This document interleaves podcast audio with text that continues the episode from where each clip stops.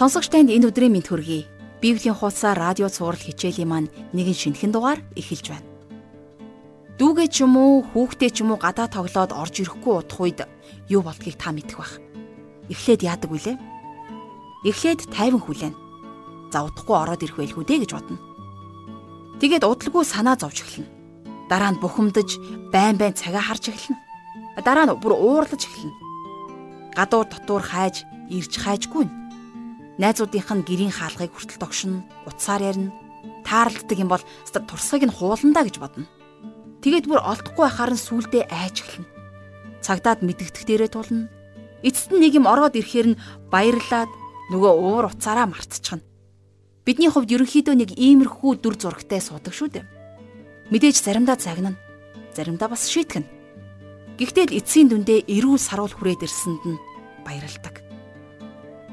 Тэгвэл өөрөөс нь төөрөө додчихсон, гим нүгэлтэд хутгалдаад явчихсан нөгөө нэг хүүгээ бурхан эцэг хэрхэн хүлээн авдаг бол итгэгч бидний хувьд бурхан эцгээсээ холтчихсон юм шиг гим нүглээс болоод бурхантай дахиад эвлэрэх нүүргүй болчихсон юм шиг санагдах үе цөөнгүй байдаг. Хэрвээ танд яг одоо тийм мэдрэмж төрж байгаа бол та өнөөдрийн хичээлийг заавал сонсоорой. Бурхан эцэг таныг хэрхэн хүлээн авахыг өнөөдрийн энэ хичээл яруу тодор харуулж ойлгуулах болно. Ингээд хичээлдээ орхосоо өмнө Бурханд энэ цагийг даатгаж залбирцгаая. Эзэн минь таньда бүх зүйлийн төлөө онцгойлон талархаж байна. Та энэ өдөр та бидэнд өөрийнхөө үгийг өгөөч. Таны ариун сүнсээр дамжуулан та бидэнд өөрийнхөө үгийг ойлгуулж, таны үгээр дамжуулан бид амьдралдаа нэгэн шинэ алхмыг хийхэд та бидэнтэй хамт байгаарай. Хичээлийн энэ цагийг бид таньда даатгаж Есүс Христийн нэрээр залбирanгуйлаа. Амен. Ингээд хамтдаа жаргал ах шиг хичээлийг анхааралтай сонсцгоё. За өнөөдрийнхөө хичээлээр бид Лук номын 15 дугаар бүлгээс Есүс Христийн айлдсан гурван гайхалтай сургаал зөвлөлийн талаар үзэх гэж байна. За тэгэхээр энэ сургаал зөвлөлүүдээр дамжуулаад Бурхан бидэнд гайхалтай сүнслэг үннүүдийг ойлгоно гэдэгт итгэлтэй байгаа юм. За хамгийн ихэнд хамтдаа алдагдсан хоньны тухай сургаал зөвлөлийг уншицгаая. За 3-аас 7 дугаар ишлэл. Лукийн сайн мэдээ номны 15 дугаар бүлгийн 3-аас 7. Ийм сургаал зөвлөл тэдэнд айлдав. 100 хонтой байтал нэг нь алдагдахад 99 хонио бэлчээрт орхин алдагдсан нэгийг нь олдлоо. Араас нь явахгүй хүн та нарт байна уу? Тэгээд хонио олбол тэр баяртайгаар мөрөндөө тэгнэн гертээ ирж анд нөхдөө болон хөршүүдээ хамтан дуудан цуглуулад тэдэнд би алдагдсан хонио олсон тул надтай хамт баярлах тоон гин би та нарт хэлье.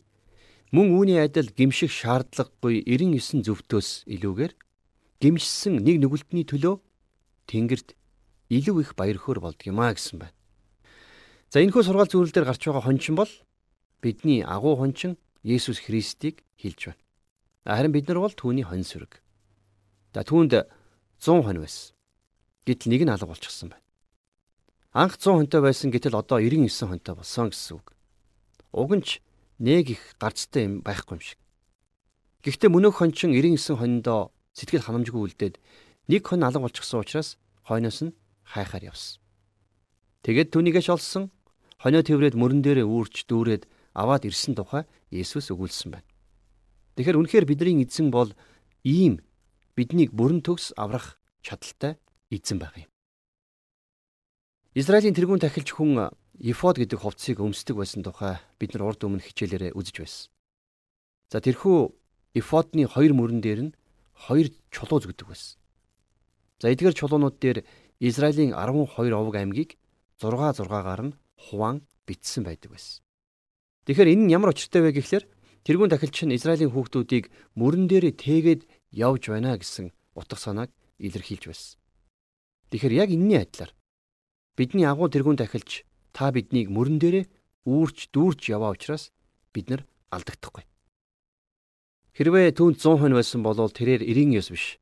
Харин 100 хонтойгоо байж ижил сэтгэл амарна. Энэ бол өөрийн хүмүүсийн хойноос явж байгаа эзэн Есүс Христийн тухай зүйрлэл байгаа юм. За цааш нь 15 дугаар бүлгийнхээ 8-аас 10 дугаар ишлэгийг хамтдаа харцгаая. За энд Есүс алдагдсан зоосны тухай бас нэгэн сургаал зөвлөлийг ярьсан байдаг. За энд ингэж бичсэн байна. Нэгэн эмэгтэйд 10 мөнгөн зоос байжээ. Хэрв нэг зоосоо алдчих бол дэнлүүгээ асан гэрээ шүүрдэж өнөөхөө олтлоо ихэд шаргуу хайхгүй гэж юу? Тэр эмэгтэй алдсан зоосоо олмогцоо анд нөхөд хөршүүдээ хамттан дуудан цоглуулад би алдсан зоосоо олсон тул надтай хамт баярлах туун гин. Би танарт хэлье. Мөн үүний адил нэг нүгэлтэн гимшвэл Бурхны Тэнгэрлэгч нарын оршихуйд баяр хөөр болно гэв. За тухайн үед эмэгтэйчүүд гэр бүлтэй болсноо илэрхийлж толгойд зоос хэлхэж зүүдэг заншилтай байсан. Тэр эмэгтэй магадгүй ийм зоосоо гээсэн болов уу гэж би бодож байна. За одоогийнхоор бол хурмынхаа бүгжийг гээж гисэнтэй адилхан гэсэн. За энэ эмэгтэй бидний хүн нэг бүрийг болцоод залуу болох Есүс Христэд бүрэн бүтэн хүлээлгэн өгөх үүрэгтэй ариун сүнсийг бэлэгдэж байж болох юм. Бүх зоос байранда байх ёстой. Үүний нэг адилаар бидний хүн нэг бүр түүний хувьд маш чухал үн цэнтэй. За би өмнө хэлж байсанчлан Лук бол эмч хүн байсан. За тэр зөвхөн эмч эрдэмтэн хүн төдийгүй урлаг уран зохиолдож чадамгай нэгэн байсан байна. Тиймдээч бидэнд бидний бурхан эцгийн гайхалтай чанарыг өөр аль ч сайн мэдээний номонд бичигдэж үлдээгүй нэгэн гайхамшигтай түүхээр дамжуулан бичиж үлдээсэн хүн бол гарцаа байхгүй энэ Лук хэмч байгаа юм. За бас нэгэн сургаал зөвлөлийг Лук өгүүлсэн байдаг. За 15 дугаар бүлгийн 11 дугаар ишлээс хамтдаа харъя. Тэр хоёр хүүтэй нэг хүн байжээ. За тэгэхээр Есүс энд уран зургаар бол эхлээд зотон даавн дээр суур өнгийг нь зуран өгч байна. Хайраар дүүрэн цалигсан сайхан гэр бүл, гоёмсог байшин. За тэгээ тэр байшинд тохь тух, баяр хөөр, хайр инрэл бүрэн шингэсэн байсан. За тэр байшинд нэгэн хүн амьдран суудаг байж. За тэр хүн бол бурхан эцгийг төлөөлөн илэрхийлж байгаа нэг. За тэр хүн хоёр хүүтэй юмсан ч. За мэдээж бурхан эцэгт олон хүүхдүүд байгаа. Гэхдээ энд бүгдийг нь төлөөлүүлээд хоёр хүүтэй гэж хэлсэн. За ах トゥ хоёр хүү. За нэгэн сайхан байшинд нэгэн аав хоёр хүүтэйгээ амьдардаг байсан байна. За одоо харин энэ зураг цааш хэрхэн амилахыг хамтдаа цааш нь уншицгаая. За 12-оос 13 дугаар эшлэлдэр баг хүн эцэгтэй. Аваа Эд хөрөнгнөөс ногдох хувийг минь надад өгөөч гэхэд эцэг нь хоёр хүүдээ хөрөнгөө хувааж өгөв. Хэдхэн өдрийн дараа баг хүн хамаг юмаа хамаад алс холын орныг зорин оджээ. Тэнд тэр дур зоргоороо амьдарч эд хөрөнгөө өрн таран хийв гэсэн байна. Энэ дэлхий дээр хүмүүсийн хүсдэг тэр бүх зүйл эд баялаг, аз жаргал, хайр инрэл, нөхөрлөл, тогт тух бүхэн бүрдсэн энэ айлын баг хүн нэгэн хачирхалтай үйлдэл хийсэн байна. Тэрхүү дотроо би энэ бүх сахилга ботноос залхаж байна. Би энд баймааргүй байна. Би далавчаад илгэн нисмээр байна. Айлын хоол амттай гэдэг штэ. Би эндээс өөр газарт очимоор байна гэж бодсон байна. За яагаад ч биднэрт өөрийн юм дандаа бусдынхаас дутуу юм шиг санагддаг штэ. Тэгээд тэр хүү би эндээс яваад өөрийнхөө амьдрах юм бол аз жаргалтай болно гэж бодсон. Тэр хүү гэртээ байхыг хүсээгүй. Тэгээд тэр эцэгтэйгээ муудалцаж харилцаагаа тасалсан. Эцэг нь тэрэнд эд хөрөнгөнийхөө хагасыг тасалж өгөөд хүүч халаас дүүрэн мөнгөтэй гэрээсээ гараад явсан байна. Үнэн дээр тэр мөнгийг хүү өөрийнхөө хүч хөдөлмөрөөр олоогүй л дээ. Түүнд байсан зоос нэг бүхэн эцгийнх нь түүнд өгсөн бэлэг байсан. Тэрнээс тэр хүү өөрийнхөө авьяас чадвар, шодрох хөдөлмөр, ур ухаанаар олж аваагүй. Зүгээр л эцэг нь маш өгөөмөр хүн байсан байна. За тэгээд яасан гэхлээр тэр хүү алс холын нутагт одсон. За одоо манай жүжигийн үзэгдэл өөр тийшээ шилжиж бид нар эндээс өөр дүр зургийг харах болно. Энэ бол алс холын нутагт болж байгаа үйл явдал. Энэ нутгийг та хүсснээрээ зургалж болно. Та энэ газрыг хурц тодоор зургалж болно. Ямартай ч энэ газарт ирээд өнөөхөө энэ дэлхийн хувьд зугаа цэнгэл гэж чухам юу болохыг ухаарсан. Хүү тэр хотын бүх баар цэнгэний газрууд шүнийн клубүүдийг дуусгасан. Зугаацж цэнгэж болох бүх газраар орсон. Яагаад гэвэл тэрэнд мөнгө байсан. Мөнгөтэй байхад төр зургийн найз нөхөд олон байдаг шүү дээ. Харин хэсэгхэн хугацаанд тэрхүү хандлаа зугаацаж цэнгсэн. Тэрээр алс холын тэр нутагт гим нүглээс идэлх тэр бүх таашаалыг эдэлсэн байна. Тэгэхээр та энэ бүхнийг яг өөрийнхөө л зургалж бодоорой. Хүү яг юу хийсэн талаар эзэн Есүс ямар нэгэн тодорхой зүйлийг хэлээгүй. А гэхдээ тэр хүү ямар хуу зүйл хийж явсныг та биднэрт төсөөлөх хангалттай боломжийг энд өгсөн байна. За эцэст нь нэг л өдөр тэрний халаасан дах мөнгө дуусаад тэгээ юучгүй хоосон хоцорч. 14 дугаар эшлэл дээр түүнийг бүх юма барж дуусахад тэрхүү нутагт нь ч сүрхий өлсгөлэн болж тэр юм юмар гачигдаж эхлэв. Тэгэхээр тэр хүүгийн төдийгүй тэр нутгийн эдийн засаг өөрөө суларч эхэлсэн. Нөгөө сайхан нутаг дампуурсан гэсэн үг. Тэр нутаг цөрхийн өлсгөл нь үүрлэж нөгөө хүү юу хийхээ мэдхээ болсон байна. Үнэн дээр тэр хүү гэртээ очихоос айж байсан. Уг нь айх хэрэггүй байсан л да. А гэхдээ л тэр хүү айсан. За ингээд эцэстээ цөхрөнгөө барсан. Тэгээд тэр хүү цөхрөнгөө барсан учраас ямар ч еврей хүний хийж зөрхөлөхгүй тэр ажлыг хийж эхэлсэн байдаг. Тэр хүү байдгаа барсан, алингаа алдсан түүнд ямар ч ажил төрөл олдохгүй байсан. Тэгээд тэр нөгөө шоу цэнгэний найзууд дээр очиод хөгшөө хэдүүлээ наргид цэнгэж байхад бүх төлбөрийг би хийж дааж байсныг чи санаж байгаа үст. Одоо би маш хүнд байдалд орчоод байна. Над туслаач. Хийчмээр юм байна өхөө гэж гуйсан. А гэтэл өнөөх найзууд нь өө чи бүх мөнгөө барчаа юу? За би их харамсаж байна. Гэхдээ найз нь чам тулж чадахгүй нэ. Миний нарийн бичиг чамд хаалга хаан угааг заагаад өгчих нь. Баяртай гэж хэлсэн баг. Хүү алс холын нутагт хаалга бүрийг тогссон ч гэсэн үнэндээ тэрэнд ямар ч найз нөхөр байгаагүй. Эцэст нь тэр нутгийн захад нэгэн гахаад ижидэг хүний гэрт очиж ажилд орохыг гуйсан. Харин нөгөө хүн хариуд нь эдийн засаг ямар хүнд байгааг чи мэдж байгаа штэ. Би чамд цалин өгч чадахгүй. А яах вэ? Манай гахааг хариулаад гахааны хоолноос идээд явбал яв гэж хэлсэн байна. За энэ бол тэр хүүгийн эцсийн цэг байсан. За Есүс хэлэхдээ гахааны идэж байсан буурцгаар ходоодоо дүүргэхийг хүссэн гэж хэлсэн байна. За Есүсийн энэ яриаг сонсоод тэнд байсан Израильчууд фарисей татвар хураагч ялгаагүй ойн гутсан тодорхой. Яагаад гэхээр Мосегийн хуулийн дагуу тэд нар гахайг цээрлэж авч үздэг байсан. Тэгэхээр еврей хүний хувьд бол эннээс илүү дор зүйл гэж байхгүй. Гэтэл гахаан хороонд амьдарч гахаан хоол идэж амьдрна гэдэг яг юу гэсэн үг? Энэ бол тэр хүүгийн бодит байдал нь байсан. Хүү яадга алдсны илэрхийлэл байсан. Тэгэхээр энэ хүүг олон хүмүүс авралыг аваагүй гим нүгэлтэн хүний зураглал гэж хардаг. Үгүй харамсалтай нь тийм биш. Энэ бол аврал аваагүй гим нүгэлтэн хүний зураглал биш. Та анхааралтай сонсоорой. Энэ хүү анх гэртээ эцэгтэйгээ хамт байсан шүү дээ. Эцгийнхээ хайртай хүүн байсан. Энэнд ямар ч эргэлзэх зүйл байхгүй. Тэгэд алс холын нутагт очиод мөнгө төгрөгөө өрн таран хийж байхдаа ч эцгийнхээ хүүн хийвэрэл байсан. Тэр хүү байдгаа бараад гахаануудтай хамт амьдарч гахаа маллаж байсан ч гэсэн тэр хүү гахаа биш харин эцгийнхээ хайртай хүү хэвээрэл байсан. Тэгэхээр Есүсийн ярьсан энэ үлгэр дээр тэр хүүг эцгийнхээ хүү байхаа болсон тухай огт өгүүлээгүй. Тэр бүх цагийн турш эцгийнхээ хайртай хүү хэвээрэл байсан. Тэгвэл эн чинь сайн мэдээ биш байх шүү дээ гэж та бодж болох юм. Үгүй энэ бол сайн мэдээ мөн. Энэ л сургаалт үлгэрийг тайлбарласан номлолыг сонсоод Есүс Христээр ирж түүнд амьдралаа өргөх шийдвэр гаргасан маш олон хүн бий. Би өөрөө ч хэдэн хүн тань. Тэгэхээр үнэхээр энэ түүх болвол сайн мэдээг агуулсан авралын түүх байгаа юм. А гэхдээ энэ сургаалт үлгэрийн гол санаа нь яг юу юм бэ гэдгийг бид нар ойлгох хэрэгтэй. Энэ сургаалт үлгэр бол гим нүгэлтэн хүн аврагдахтай холбоотой гэхээс илүүтэйгээр гим нүгэлд хутгалтсан хүүгээ эргүүлэн авч байгаа бурхан эцгийн зүрх сэтгэлийг харуулсан түүх байгаа юм.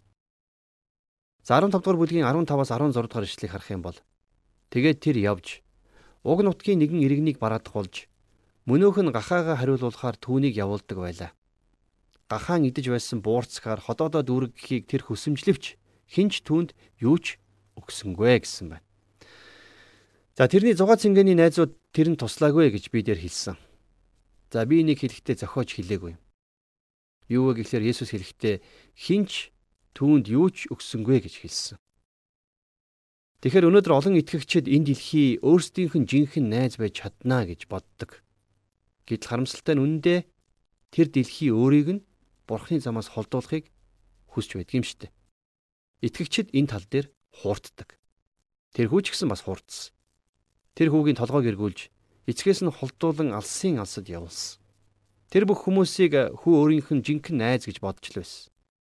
Би энд ёстой жинхэнэ найз нөхөдтэйгээ уулзч Энд л би ёстой амьдралын аз жаргалыг амталж байна даа гэж тэр бодож байсан.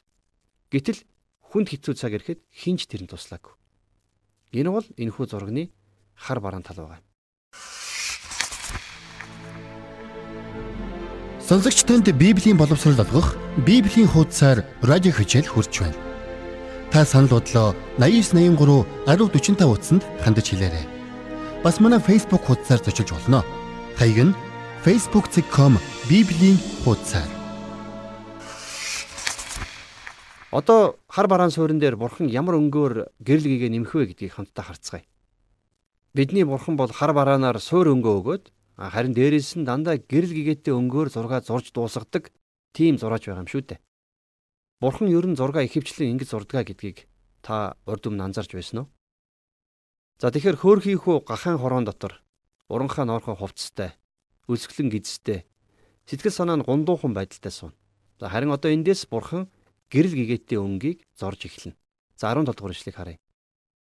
Ийхүү тэр ухаан эцгийн минь хөлсөлсөн хүмүүсийн хичнээн нь ч талхаар илбэг дилбэг байдаг билээ дээ. Гэтэл би энд өлсөж үхэх нь. За тэгэхээр хүү өөрийнхөө байгаа бодит байдлыг гинэт олж харсан. Гим нүгэл та бидний амьдралыг уруудулан дорой тулдаг. Гим нүгэл бидний энэ дэлхийг харах хараа гажууд болдог. Бидний өөрсдийгөө харах хараагч гажууд болдог. Гим нүгэл биднийг энэ дэлхийн зугаа цэнгэлд хандах хандлагыг өөрчилж бид гим нүглийг гим нүгэл гэж харж чадхаа байдаг. Хүү гэртээ байхдаа алс холын нутгийг харахтаа тэнд л бүх зүйл сайхан, тэнд л бүх зүйл зугаатай байна гэж бодож байсан. Харин одоо өөрийнхөө байгаа царайг үнэн бодиттой орно гинэт олж харсан байна. Эхлээд э, тэр хүү толгоогоо жаахан ажилуулсан. Би чинь сайн эцгийн хүү. Гэтэл энд алс холын нутагт ингэж байж байдаг. Гахаан хороонд гахаануудын дунд хөвтөж байх ч гэжтэй. Эцгийн маань зарснаар хүртэл одоо надаас дээр байгаа штэ. Гэтэл би эцгийнхаа хүн штэ гэж тэр дотроо бодсон байна. Одоо л нэг хүн шиг бодож хүн шиг сэтгэж эхэлж байгаа нь энэ.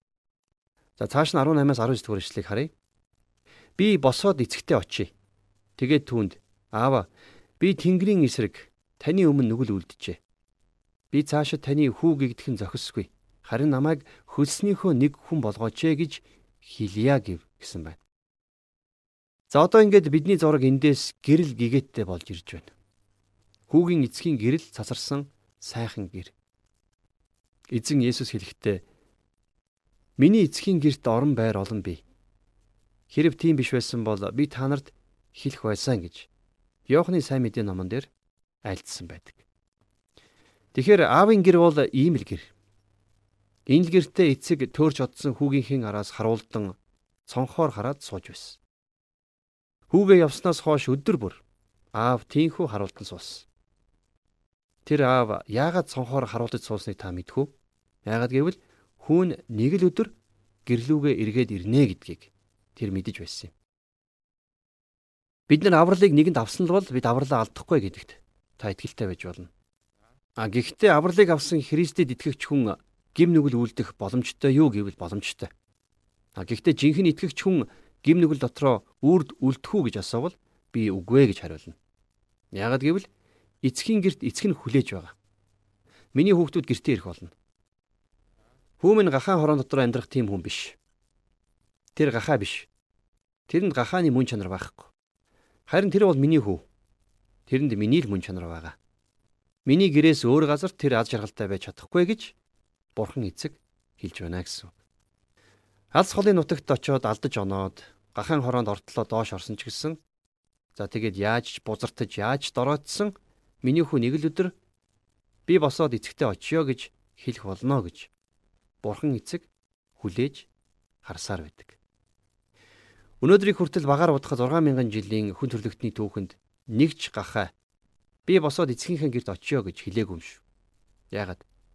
Яагаад гэвэл гахаа гахаан хороонд л байдаг. Тэд эцгийн гэрт очихыг хүсдэггүй. Харин зөвхөн бурхан эцгийн хүл би босоод эцгийнхээ гэрт очиё гэж хэлдэг юм. Ингээд хүү гэрээ зорин явсан. Эцэг нь хүүгээ өдөр бүр харуулдаг хүлээдэг байсан гэж би түрүү хэлсэн. Тиймдээ ч эцэг нь хүүгээ ирж явааг алсаас харсан байна. За тэгээд эцэг нь хүүгээ хараад ухтан гүйсэн. Эцэг нь зарцтай. Алив бушуухан яваад бүдүүхэн шиг шургааг олоод ирдээ. Би энэ хүүг нэвширтэл нь балбаад өгье гэж хэлсэн үү? Үгүй. Миний библиэлд л ав тийм зүйл байхгүй байна. Тэгэхээр бид нар эхлээд нэг зүйлийг ойлгох хэрэгтэй. Мосегийн хуулийн дагуу эцэг хүн дуулуургүй хүүгээ ахлагч нарын өмнө авчирч тушаагаад за тэгээд олонний өмнө чулуугаар шидэж алах бүрэн эрх нь байсан юм. Энэ эцэгт энэ нөхөр миний мөнгийг эд хөрөнгийг авч яваад өрн таран хийсэн. Тэгээд зогсохгүй миний нэр төрийг гутаасан. Гэр бүлээ үл тоомсорсон. Би нөхрийн арсыг нь хуулна гэж хэлэх хэрэг байсан уу гэвэл байсан. Тэр бүх эрх түүнд байсан гэсэн. А гэтэл энэ эцэг нэгэн гайхамшигтай зүйлийг хийсэн. Энэ сургаал зөвлөлийг ярихдаа бидний эзэн гайхалтай гэрэлгийг нэмсэн байна. За энэ гэрэлгийг харсан бүхний нүд нь гялдмаар байсан. Энэ түүхийг сонсож байсан хүмүүс чихэндээ итгэхгүй байсан. За арай үгүй байлгүй дээ. Энэ хүүг ингэж алингаа алдаж яваад гэртээ ирж байхад нь эцэг нь шийтгэгчгүй байна гэж арай байхгүй байлгүй дээ гэж хүмүүс бодож байсан баг. Үнэн дээр бид нар ч гэсэн бас битүүхэндээ тэр хүүг багч гисэн шийтгэд хүлээх байлгүй дээ гэж бодож байсан. А тэгвэл юу болсныг хамтдаа уншицгаая. 20 дугаар эшлэл дээр. Тэгээд тэр босож эцэг руугаа явжээ. Харин эцэг нь түүнийг холоос харж ихэд өрөвдөн гүйж ирээд тэрч үнсв гэсэн. За энэ хүүгийн үнэр танар гэж мэдээж авахынгүй байсан тодорхой. Гахаан бүр цул гахаан үнэр хангалж байсан. Гэтэл эцэг нь тэрнийг тэрч аваад нүүр нүдгүй үнссэн байна. 21 дугаар эшлэлдэр хүүн түүнд аава би Тэнгэрийн эсрэг таны өмнө нүгэл үлджээ. Би цаашид таны хүү гэгдэх нь зохисгүй гэв гэсэн. Тэгэхээр хүүн бол бас хоосонгүй хідэн өгүүлбэр цээжилсэн юм шиг байна. Алс холын нутагт байхаасаа л энэ үгийг хэлээ гэж дотроо олон удаа давтсан баг. За тэгээд аавтайгаа уулзсангуудаа өмнө сөгдөөд аава би Тэнгэрийн эсрэг таны өмнө нүгэл үлджээ. Би цаашаа таны хүү гэгдэх нь зохисгүй. Намайг зарцаа болгож аваач ээ гэж хэлэндэ гэж тэр замын турш аман дотроо давтсаар л явсан байна. Тэр энэ үгээ хэлж эхэлсэн ч өгүүлбэрээ дуусгаж амжаагүй байтал аав нь яриаг нь тасалсан. За 22-оос 24 дугаар эшлэгийг харъя. Харин эцэг нь боолуудаа хамгийн сайхан хувцас хурдан авчирч түүнийг хувцсал гарт нь бүгж зүү хөлд нь гутал өмсөг тарган тугал авчирч ядал бүгдээрээ найрлаж цэнги. Учир нь энэ хүүмэн үгсэн боловч ам оржээ. Тэр алдагдсан боловч олдлоо гэв. Тэд найрлан цэнгэлдэж эхэлвэ гэсэн байна. Гэхдээ ямар сайхан түүх вэ? Хэрвээ та бурхны хүүхэд болсон л бол гим нүгэл үлдээд үүнтэйгээ эвлэрээд амар тайван аз жаргалтай амьдрах боломжгүй. Та уруу дунд ороодож гахаан хороонд орсон ч гэсэн та тэндээ удаан байж тэсэхгүй. Хэрвээ та үнэхээр бурхан эцгийн хүүхэд мөн л юм бол нэг л өдөр за би босъё. Эцгийнхээ гэрт очиё гэж хэлэх болно. Ингээд та явах болно. Ингэж яваад та бурхны өмнө ирээд гим нүглээ улайж гимших болно. Тэгэхээр Илч Йоохны 1-р загтлын 1-ийн 9-дэр нэгэн гайхамшигтай амлалт бичигдсэн байдаг. За энийг би танд уншиж өгье. Хэрвээ бид нүглээ хүлээн зөвшөөрвөл тэрээр итгэмжит зөвхт бөгөөд бидний нүглийг уучлж бүхэл зөвхт бус байдлаас биднийг цэвэрлэнэ гэж. Гим нүгэл үлдээ төөрөн одсон хүү ингэж л бурхан эцгийнхээ герт эргэж ирсэн юм. Үнэн дээр эргэж ирэх цорын ганц зам бол гим нүглээ улаан гимших гимшил байсан. Хүүгээ эргээд ирэхэд нь харин эцэг нь хүүхдтэй яг юу гэж хэлсэн бэ? Цэвэр хувцас авчир гэж хэлсэн. Тэрнийг угааж цэвэрлснийхээ дараа тэрэнд цэвэр хувцас авчирч өмсгсөн. Тэгэхээр хэрвээ бид нүглээ хүлээн зөвшөөрөх юм бол тэрээр гэдэг нь бурхныг хэлж байгаа. Тэрээр итгэмжид зөвхт бөгөөд бидний нүглийг уучлж бүхэл зөвхт бус байдлаас биднийг цэвэрлэнэ гэж амласан байна. Тэгэхээр үнэхээр бидний эзэн биднийг угааж цэвэршүүлдэг. Альчуур бүслээд бохирдож бузардсан бүхнийг нь угааж өгдөг тэр бол Иесус Христ байгаа юм. Алс холын нутагт байсан тэр хүү бохирдож бузардсан байсан. Тэрнийг заавал угааж цэвэршүүлэх ёстой. Тэрнийг угааж цэвэршүүлээд тэрэнд цоо шин хувцас өмсгсөн. Энэ хувцас бол итгэгч хүмүүсийг бүрхдэг тэрхүү зөвтгөл, уучлал, Христийн зөвхт байдал байгаа юм. За тэгээд гарт нь зүүж өгч байгаа тэр хүү бөгж бол хүүгээ өөрийн хүү мөн гэдгийг баталж байгаа баталгаа нотлохоо байгаа юм. За өөрөөр хэлэх юм бол хүү буцаад өөрийнхөө хэн байх ёстой яг тэр байдалтай орсон гэсэн үг. Тэр хүү эцгийнхээ герт байх ёстой тэрл газартаа ирсэн гэсэн үг. За яг одоо Христ Бурхны баруун гарт залраад алс холын нутагт бохирдож бузардсан бүхнийг цэвэрлэн үйлчилсээр л байгаа. Бид нэр түүний өмнө гим нүглээ улаан гимших үед бидний гим нүглийг уучлаач ээ гэж чин сэтгэлээсээ гуух үед Есүс бидний бүх зөвхт бус байдлыг цэвэрлэн ариусгадаг. Бид нар үнэндээ яг л тэрхүү төөрсөн хүү шиг Аава би нүгэл үлдсэн. Би таны хүү гэгдэх зохисгүй. Намайг зарцаа болгооч ээ гэж гуйж ирэх учиртай. Харин бурхан эцэг биднэрт юу гэж хэлнэ гэж? Би чамайг хизээж зарцаа болгохгүй. Яагаад гэвэл чи бол миний хүү. Би чамайг уучилж, чамайг цэвэрлэж, чамд цоо шин хувцсыг өгөх болно гэж хэлнэ. Нэгэнд хүүл болсон бол мөнхөд хүү хിവэрэл байх болно. А гэтэл энэхүү сургаалт үлгэр дээр өөр нэгэн төөрсөн хүү гарч ирж байна. За хамтдаа 15 дугаар бүлгийнхээ 25-аас 28 дугаар ишлэгийг харцгаая. Ууган хүн талбай дээрээ байжээ. Тэр боцож гертээ ойртон эрэхтэй дуу хуур бүжиглэг чимээг сонсоод зарц нарынхаа нэгийг дуудаж юу болоод байгааг асуув. Тэр түнд дүү чинь ирсэн. Таны эцэг түүнийг эссэн минь эргэж ирсэнд тарган тугал нь ядлуулав гэж. Харин ууган хүн уурлаад дотогш орохыг ч хүссэнгүй. Тэгтэл эцэг нь гарч ирээд түүнийг аргадан гуйж эхлэв. За юу болж гэнэ вэ гэхлээр зэрэг ууган хүү гомдлож уурлаж эхэлсэн байна. За үнэн дээр жинхэнэ төөрсөн хүү бол энэ хүү байсан юм.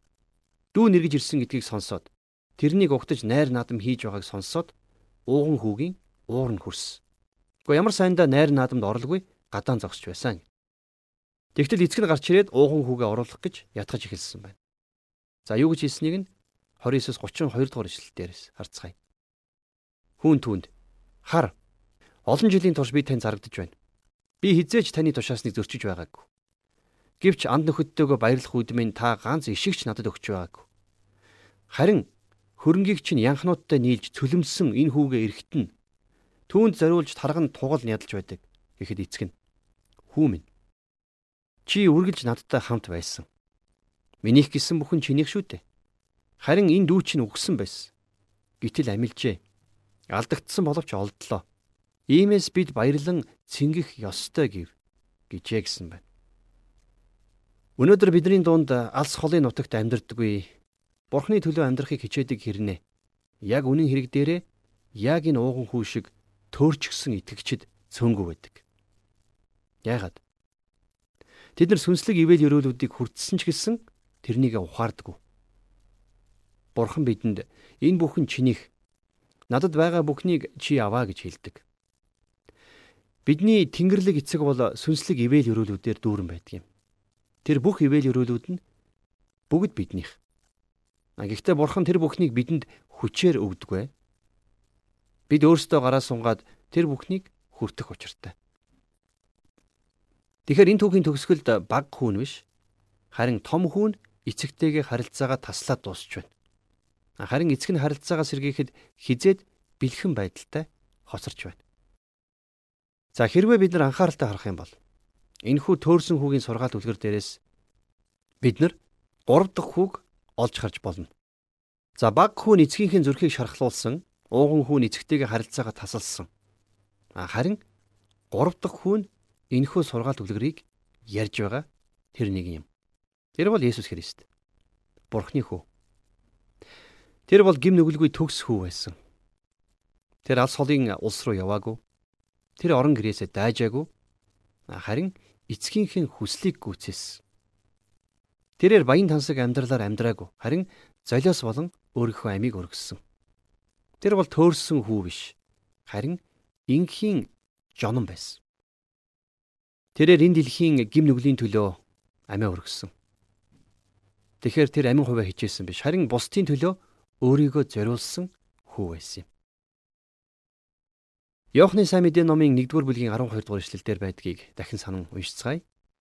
Харин өөрийг нь хүлээн авсан болгонд өөрийнх нь нэрэнд итгэдэг хүмүүст Бурхны хүүхэд болох эрхийг тэр өгвөө гэсэн байдаг. Тэгэхээр аврал гэдэг бол үнэндээ зүгээр л Есүсийн нэрэнд итгэсэн тэр хүнд өгөгддөг бэлэг байгаа юм.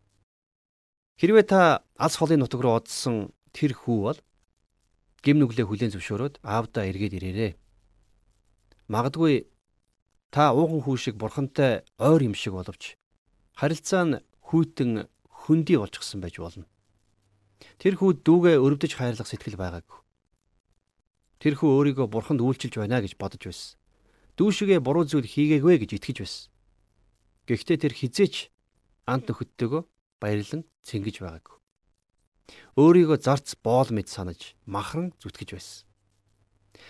Харин Тэнгэрлэг эцэг чинь танд надад байгаа бүхэн чинийг шүү дээ гэж хэлж байна. Найз минь ээ. Хэрвээ чи Есүс Христийг аврагчаа болгон хүлээж аваагүй бол хараахан Бурхан эцгийн хүү болж амжаагүй байна гэсэн үг. Таны төлөө амиа өгсөн Христэд итгэх итгэлээр л та Бурханы хүү болох боломжтой. Тэгэхээр хэрвээ та Есүс Христэд итгэсэн бол Бурхан эцэг дээрээ ойртон ирээрэй.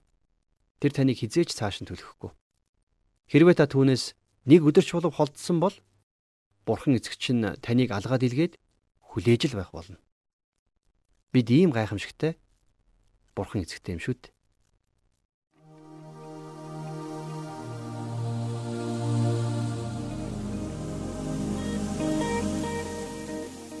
Тэгэхээр найз минь хэрвээ та хэдийгээр Есүс Христийг аврагчаа болгон хүлээн авсан бол өнөөдөр Бурхан эцгээсээ холдчихсон алс холын нутагт суугаа юм шиг танд санагдчихж болох юм.